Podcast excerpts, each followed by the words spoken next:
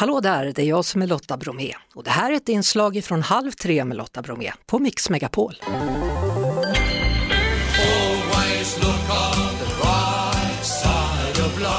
Måndagspeppen.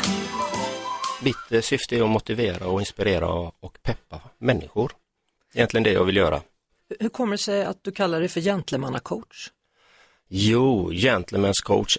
Jag är uppvuxen med att en man inte visar sina känslor, eh, ska vara stark, bäst, vackrast, eh, prestera, etc. etc. Och jag kom till en punkt i livet där jag gick igenom utbrändheter, tre stycken faktiskt, och insåg att eh, det var ju någonting som jag gjorde som var galet fel. Och eh, då fick jag rannsaka mig själv vad det var. Då fick jag öppna upp för den här sårbarheten och be om hjälp framför allt och ta kontakt med mina egna känslor. Och det var det som födde Gentlemen's coach för jag vill inspirera till en början män då, men nu inspirerar jag både kvinnor. Men det var tanken var till män för att vi män är ju drillade ganska hårt i det här samhället att vara på ett speciellt sätt. Ja, vad var det det gick fel för dig då? Vad var det som inte funkade? Var det svårt att gråta eller var det svårt att uttrycka känslor eller?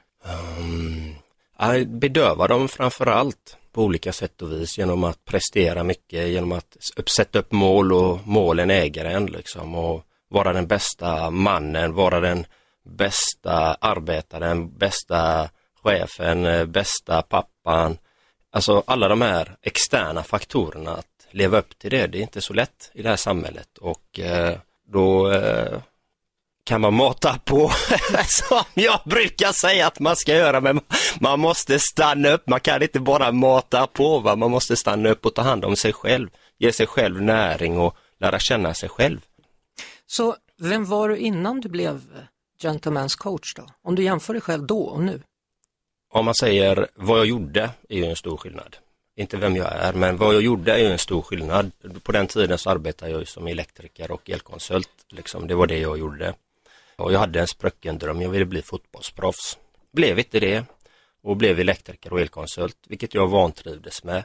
Men samtidigt så var jag ju drillad att man ska prestera, man ska hela tiden sträva efter de här resultaten, ettor och nollor och ja, vara bäst på allting liksom. Men det håller ju inte i längden om man inte tar hand om sig själv.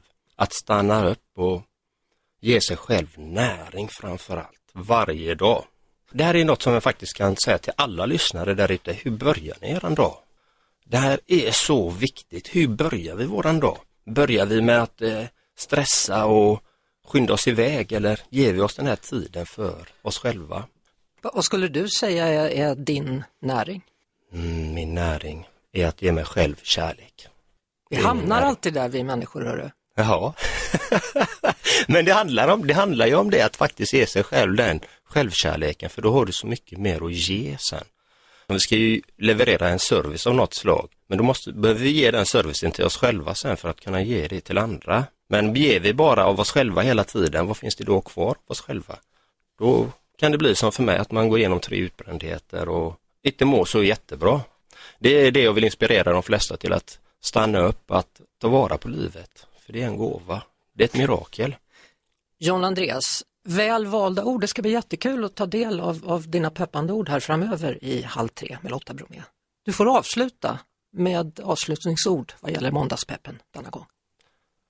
Glöm inte att ta hand om er själva och ge näring varje dag.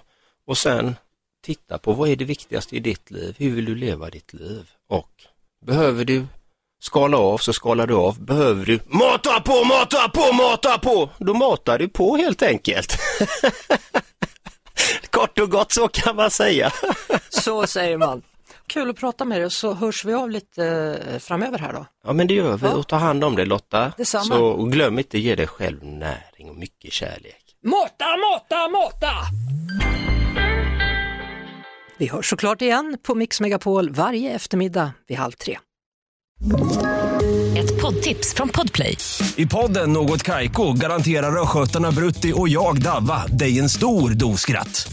Där följer jag pladask för köttätandet igen. Man är lite som en jävla vampyr. Man har fått lite blodsmak och då måste man ha mer.